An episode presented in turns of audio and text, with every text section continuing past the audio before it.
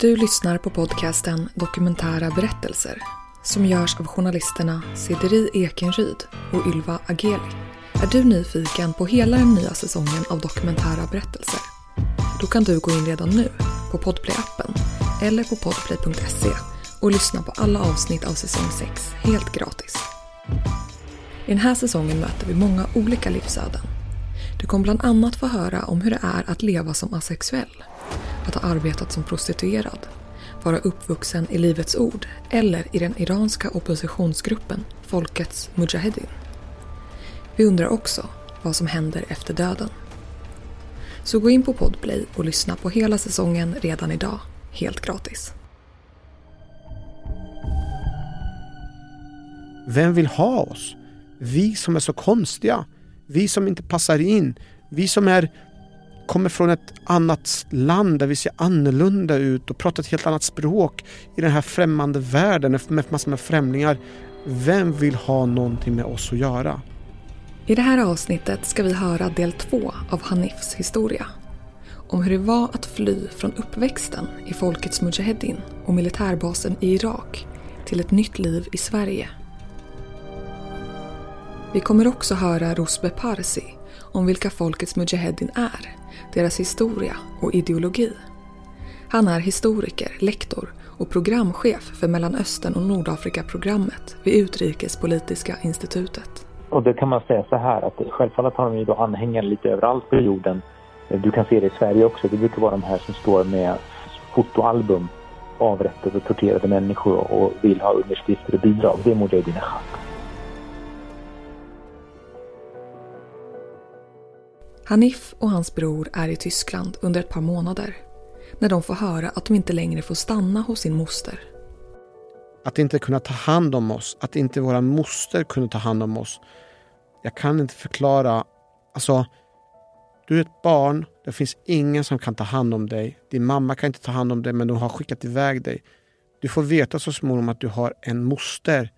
Ute, ute i världen så finns det en människa, en moster och du får möjligheten att komma hem till dem. Och så, så berättar de att de inte kan ta hand om dig. Om inte de kan ta hand om mig, om inte min mamma kan ta hand om mig, vem ska ta hand om oss?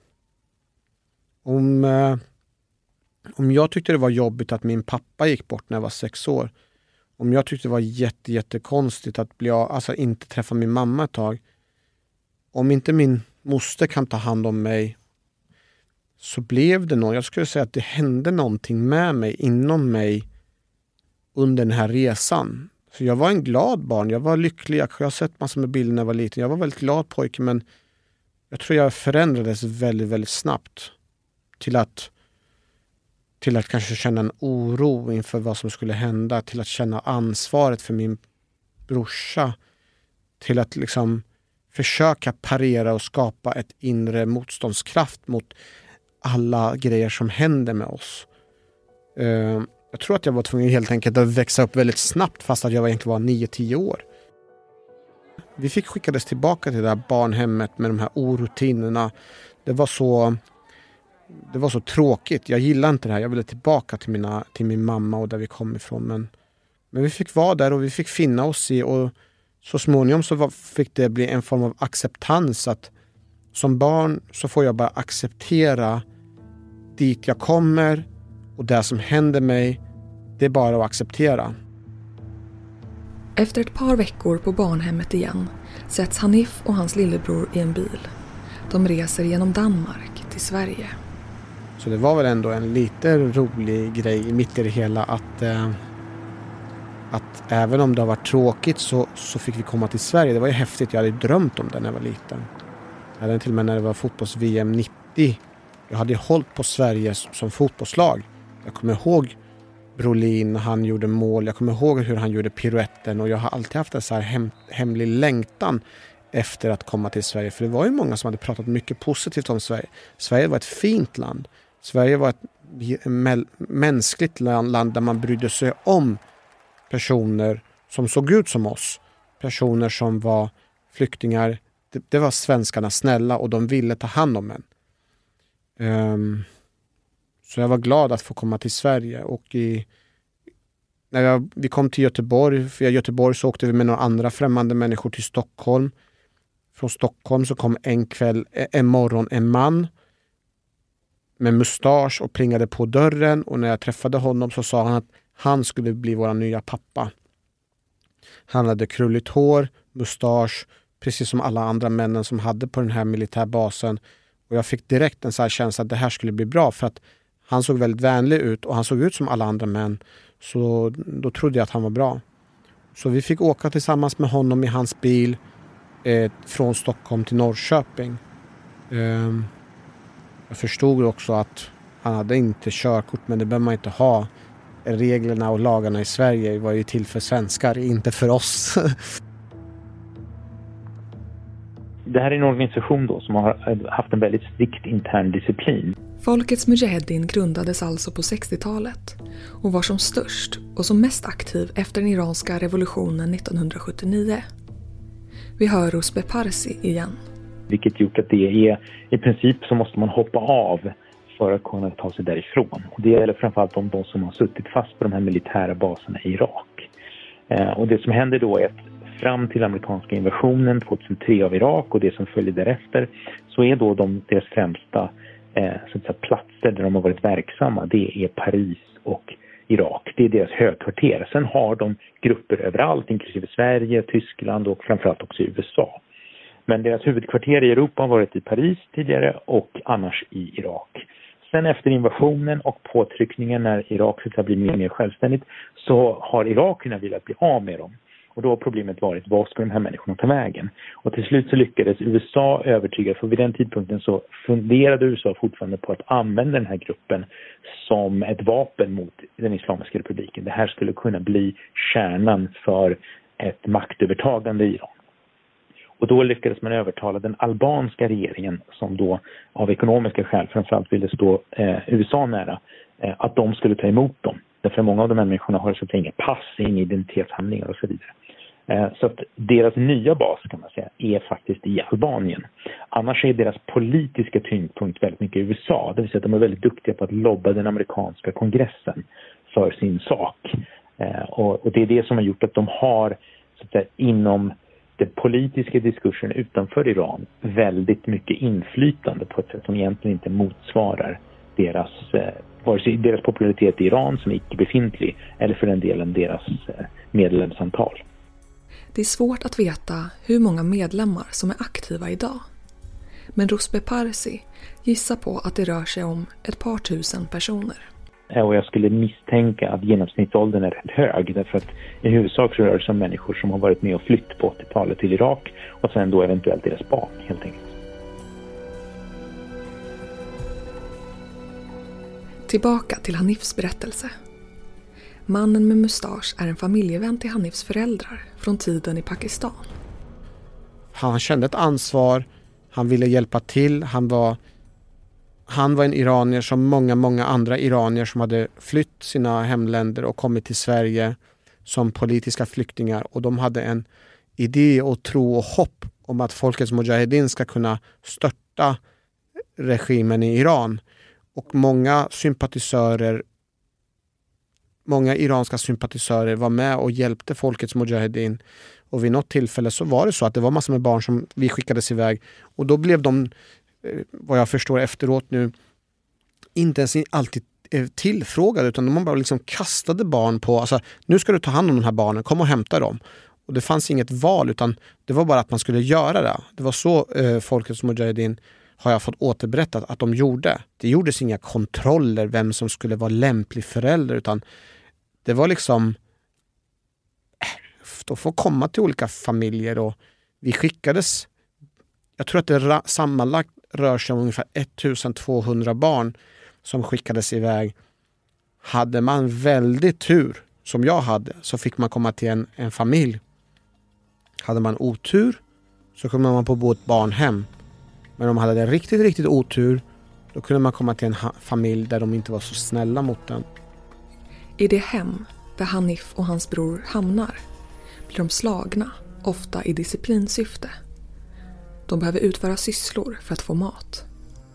Eh, men på olika sätt försökte de här få oss att fungera i deras liv. Eh, så det gick jättedåligt. Eh, inte nog med att de inte lyckades så jättebra så kommer jag också ihåg att jag tyckte det var konstigt för när jag var ute och lekte med min, eh, eh, min lillebror eh, så fick jag ju också för första gången veta verkligen att alla svenskar är inte snälla mot dig utan det finns svenskar som är dumma mot dig utifrån att du inte ser ut som dem. Och jag fick höra ordet som svartskalle och blev retad för olika grejer. Jag visste inte riktigt hur jag skulle ens reta tillbaka för jag kunde inte ens prata språket. Men det var bara typ eh, acceptera situationer och försöka göra det bästa av situationen. Liksom. Sen var det en annan grej som var konstig. Det var att jag trodde först tills då så trodde jag att ändå att jag var en iranier och att jag ändå så ska tillbaka till Iran. Men nu kom jag i kontakt med många andra iranier som inte såg alls ut som mig, som inte hade samma referensram. Deras språk och deras kultur, vad de lyssnade på för musik, vad de fick berätta för berättelser. Det stämde inte alls in på de berättelserna som jag fick berätta för mig. Mujahedin var inte i deras värld utan de var präglade av någonting helt annat.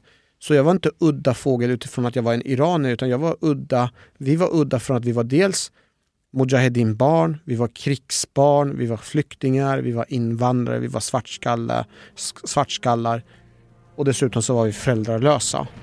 Och vi skulle bo i, i Norrköping. Under den här tiden i Sverige har Hanif en svår period. På nyheterna rapporteras det om Lasermannen. En man som skjuter människor som ser ut som han gör. Jag kommer ihåg på tv så, vis, så, så visade de en bild. Eh, eller jag tror att det var en bild. Jag kommer inte ihåg om det var en fantombild eller vad det var. Som var väldigt läskigt. Och den här mannen var inte ute efter vem som helst. Han var ute efter sådana som jag. Alltså vi som var svartskallar, vi som var invandrare. Men som tur var så bodde den här mannen i Stockholm som var så pass långt från oss så troligtvis så skulle inte han kunna komma till oss. Men det påverkar ändå liksom hur vi skulle försöka få saker och ting att fungera. Alltså fungera. Jag kommer ihåg på kvällarna när jag min lillebror somnade med en gång. Jag var uppe på nätterna. Jag bara, alltså massor med tankar som snurrade. Jag saknade min mamma. Jag tyckte det var konstigt, läskigt att vara i ett helt annat land. Jag kommer ihåg att jag tänkte om vi blir kidnappade nu, hur ska jag kunna hitta tillbaka hit? Alltså jag försökte börja memorera namn och adress. Jag började memorera gatan, eh, började komma ihåg telefonnummer för att om jag skulle bli kidnappad, om vi skulle bli kidnappade, då ska jag försöka hitta ett sätt att komma tillbaka. Och det var ett helt annan... Alltså vi hade växt upp på Irak och nu var vi på en helt främmande land i en främmande stad. Där staden hette visserligen Norrköping, men jag kunde inte så mycket mer än så. Så det var liksom, det var, det var alltså, om det var jobbigt att liksom skiljas från sin mamma och eh, sin pappa skulle dö. Alltså på något sätt så verkar det som om det här var den absolut jobbigaste tidpunkten i mitt liv hos den här familjen. Alltså det var ju liksom total utlämnad åt främlingar. En gång, vid ett tillfälle, så fick jag ringa min, min familj, eller mina släktingar som tillhörde Mujahedin. Så berättade jag för dem att vi inte trivdes så bra och att, att den här familjen som vi bodde hos, att de slog oss. Och då fick jag veta att det var oss det var fel på, att det var vi som skulle sköta oss. Att det var vi som skulle förbättra oss för att inte vi skulle bli, eh, för att inte vi skulle få de här konsekvenserna. Så småningom, när han är i 12-årsåldern, får han flytta från den persiska familjen och in i en svensk familj. Där fick vi en väldigt normal och trygg uppväxt och tills egentligen tills jag tog studenten så hade jag, fick jag egentligen utifrån svensk sättet väldigt tryggt uppväxt. Men när jag tog studenten så hamnade jag i personlig, eh, pers, en personlig kris. Jag hade växt upp och hade egentligen vänner. Jag hade många vänner som jag hade en väldigt fin gemenskap med. Jag hade börjat att träna på gym. Vi hade en fin eh, så här, kultur där vi tränade och hängde och umgicks ihop. Men så blev jag också olyckligt kär i min bästa kompis Kar Karo som var väldigt vacker och var väldigt populär och vi var väldigt, väldigt nära vänner. Eh, men sen när jag kom på att jag var olyckligt kär i henne så förändrades allting och jag kunde inte umgås med henne och, eller mina vänner Eh, och sen så sökte jag jobb och fick inget jobb. Eh, och jag, jag, minns också att jag gick på medicin. Jag hade åt så stark medicin mot akne. Som visade sig så småningom att det var eh, ångestframkallande. Men där och då liksom så funderade jag över vad jag ville göra med mitt liv, vad jag ville åstadkomma. Och jag hade också fått kontakt med min mamma igen. Vid något tillfälle hade hon ringt på telefon. Och hon hade uppmanat mig att behålla kontakten med Mujahedin. Så när jag var i personlig kris så tog jag kontakt med Mujahedin som hade ett kontor uppe i Stockholm. Och den här rörelsen den eh, kommer ur den reaktion som följde på demonstrationer eh, som ägde rum i juni 1963 och som slogs ner väldigt våldsamt. Vi hör Rusbe Parsi igen, programchef för Mellanöstern och Nordafrika-programmet vid Utrikespolitiska institutet om hur konflikten mellan folkets Mujahedin och regimen i Iran inleddes. Ja, alltså I första hand så var det såklart mot shahen eh, och shahens fruktade säkerhetspolis och väldigt starka armé och det var på 70-talet, 60-talet och 70-talet. Och sen i och med revolutionen så var man ju, ville man ju sitta vid bordet helt enkelt och bestämma hur den nya staten skulle se ut. Och det var från det bordet man förträngdes och då vändes så att säga kriget, det nya kriget eller de nya striderna mot de nya härskarna, det vill säga den Islamiska republikens, de islamister som hade tagit över med Ayatollah Khomeini i spetsen. Eh, och den fiendskapen mellan dem har ju då delvis att göra med att de kanske delvis låg lite nära varandra. Eh, och delvis såklart också med att eh, vi, som jag sa, ett par eh, bombattentat så dödades några av de främsta ledarna precis under Khomeini av Mujahedin Khan precis i början av 80-talet. Eh, och därmed så var så att säga, brottet fullständigt mellan dem. Eh, och då blev det en väpnad kamp istället där där den Islamiska republiken fängslade, torterade och avrättade Mujahedin Khalg-anhängare. Och Mujahedin Khalg i sin tur försökte genom attentat så att säga, eh, döda eh, framstående representanter för den nya republiken. Och sen så gick man över till att slåss på Saddam Husseins sida. Jag tror det var 1986 eller 87 som var deras sista offensiv som de deltog i på den, den, eh, på den irakiska sidan. Och då så att säga, besegrades de fullständigt. Så även om de sedan dess paraderar med sina stridsvagnar och allt vad det nu är på olika ställen, framförallt i Irak då, så, så utgör de inte en, en militär har de ingen sån militär kapacitet på det viset. Sen vet vi att de också samarbetar med Israel till viss del sen dess. Eventuellt så har de eh, blivit så mer framstående i mer punktinsatser. Men, men som militär styrka så är de så att säga passé.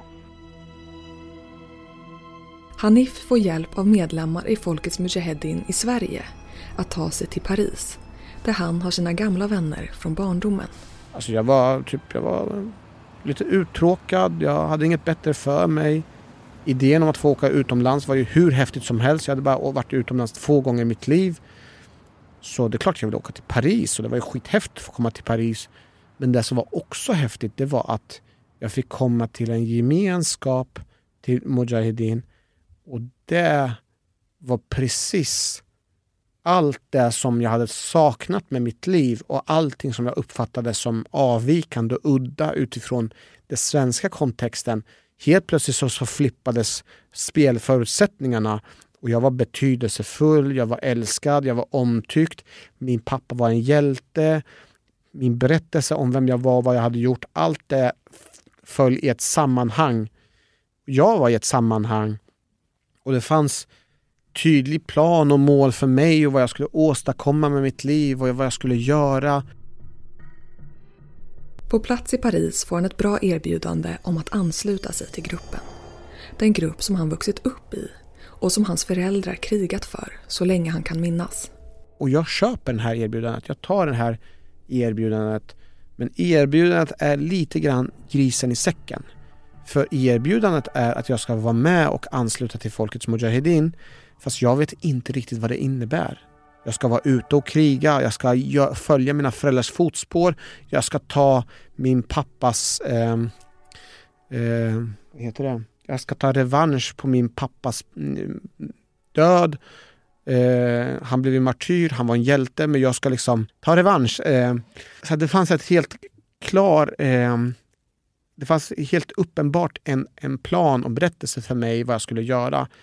Och den här berättelsen och gemenskapen var så stark så gjorde att jag, Alltså så fort jag satte min fot ner i, i den här Folkets Mujahedin i Paris så försvann mitt ångest. Allt som jag hade mått dåligt över, det försvann. Och jag började genast må bra.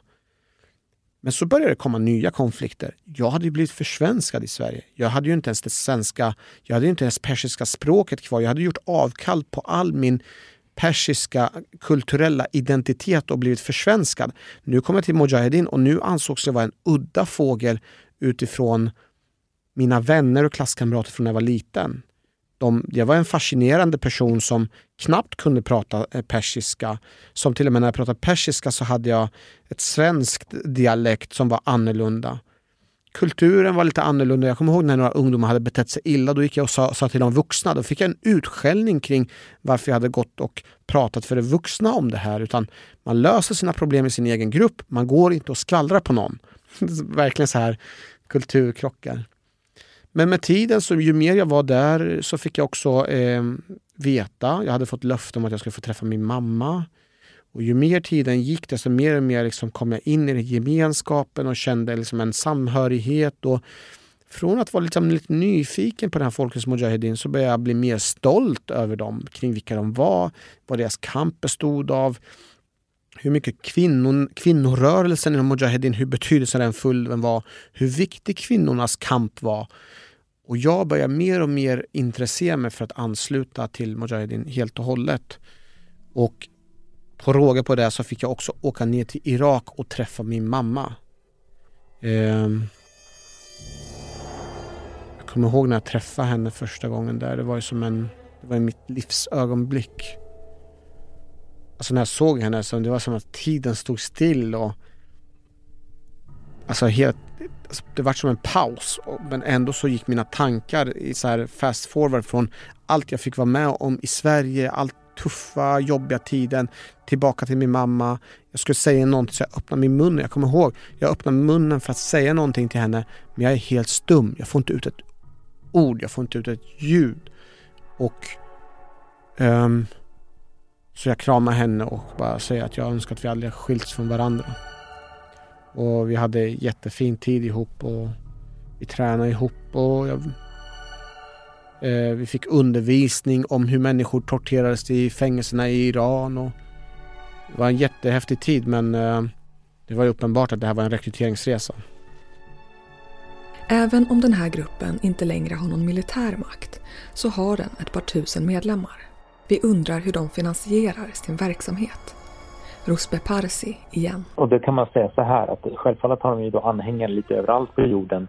Eh, du kan se det i Sverige också. Det brukar vara de här som står med fotoalbum avrättade och torterade människor och vill ha underskrifter och bidrag. Det är Mujahedin Chak. Eh, så de har ju funnits i, i Sverige ja, i princip ända sedan början av 80-talet. Eh, men det är ju inga liksom enorma summor pengar. Sen är det troligtvis så att de människorna som är inblandade i den här rörelsen utanför landet, de betalar nog någon sorts tionde till organisationen. Det vill säga att de är, det jag menar liksom, det är en religiös kult i det. Sen att de är inblandade djupt, djupt. Det är inte så, fri, så frivilligt i den meningen som man kan tänka sig. Eh, men i modern tid så är det nog tveklöst så att det är framförallt Saudiarabien och Israel som har haft ett intresse av att hålla, hålla den här organisationen vid liv. Eh, dels därför att den ändå, eftersom de är persisktalande, de är iranier, de kan ta sig in i Iran och smälta in bland befolkningen på ett helt annat sätt än vad till exempel israeler eller saudiaraber skulle kunna göra. Så att, säkert av underrättelseskäl så har de varit användbara. Men också just därför att man vill hålla fast vid idén om att det finns en grupp som någon, har någon sorts militär träning som skulle kunna utgöra ett hot mot Iran ifall eh, konfrontationen mellan de här länderna skulle gå så långt som till ett krig. Så att, eh, och det här anses delvis bekräftat av två saker. Det ena är att Mujahedin Khalg fick tillgång till satellitbilder som de avslöjade på en presskonferens 2003 och det här avslöjandet inom citattecken, det var att Iran har ett kärnteknikprogram. Och Mujahedin har självfallet inte tillgång till en egen satellit. Så med största sannolikhet så är det då israelisk eh, eh satellitspaning som de så att säga, gett den här organisationen för att den ska presentera det för världen. Och det andra är att en av eh, Saudiarabiens främsta representanter och tidigare underrättelsechefer deltog i en av de här årliga konferenserna som eh, Mujahedin anordnar utanför Paris varje år. Eh, och det, det och en del annat tyder på att de troligtvis varit med och finansierat rörelsen för att de har väldigt stark lobbyverksamhet i USA på de här årliga konferenserna brukar de bjuda amerikanska politiker och de, de här politikerna har erkänt att de får liksom 50-100 000 dollar för att åka dit och snacka lite. Så det är inga småsummor vi pratar om och det är lite svårt att se hur de här skulle kunna generera de här inkomsterna på egen hand. Hanif är med sin mamma i Irak i tio dagar. Han träffar flera av sina släktingar.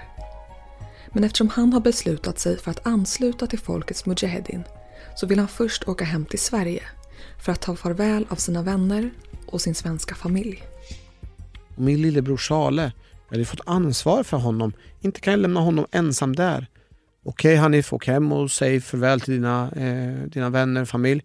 Men din lillebror Charle, honom ska du med dig nästa gång vi ses. Så med den delen, med den berättelsen så lyckas jag ta mig tillbaka till Sverige eh, som i sig är bara en sensation när det gäller den här berättelsen. För det är många ungdomar från Sverige som har rekryterats till Folkets Mujahedin. Det finns inte en enda människa som har kommit tillbaka. När man har åkt ner dit så har man blivit rekryterad och man har fastnat där. Jag var den första personen som lyckades ta mig därifrån.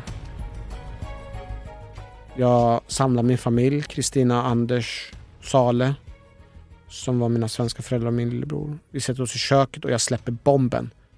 Det vill säga att jag ska åka.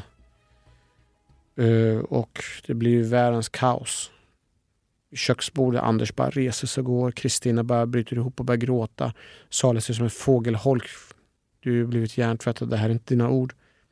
Jag räcker över min lägenhetsnyckel till honom och säger du, spelar ingen roll vad jag säger, jag har redan bestämt mig. Jag vet vem jag är, jag vet vem min familj är. Sverige vill inte ens ha oss. Kristina och Anders är inte min riktiga familj. Jag har en familj, det är Folkets Mujahedin. Och jag vet vart jag kommer ifrån. Det är Iran. Och sen så packar jag ihop, jag säljer alla mina grejer, jag gör mig redo för att åka. Vi undrar också hur sluten den här gruppen är. För om Hanif nu ansluter sig, kommer han kunna lämna? Rosbe Parsi igen. Nästa problem är att om man ska ta sig därifrån, vart ska man ta sig vägen? Alltså var ska man ta vägen? Därför poängen är att de flesta av dem har ju bara iranska pass. Iran har ju tagit emot några som har velat hoppa av, men generellt sett så är inte det liksom kanske det mest populära målet. Um, och sen är nästa problem att några av dem har haft europeiska pass eller medborgarskap på andra ställen, men det är de passen utgångna, det fattas identitetshandlingar och så vidare. Så det har varit fullt sjå även från Europas sida, EUs sida, att försöka liksom hantera dem som eventuellt har kopplingar Eh, till Europa. Och man kan bara säga ett exempel, eh, jag säger detta med en kult och så vidare, som ett exempel på hur långt de är villiga att gå. Bortsett då från att de har, de påstår sig, de har ju fortfarande liksom folk som är beväpnade och så vidare. Det var att den enda gången som den franska regeringen försökte sätta lite hårt mot hårt mot dem var i 2003. Eh, och då arresterades Mariam Rajavi och ett antal andra personer, formellt i alla fall av skatteskäl har jag för mig.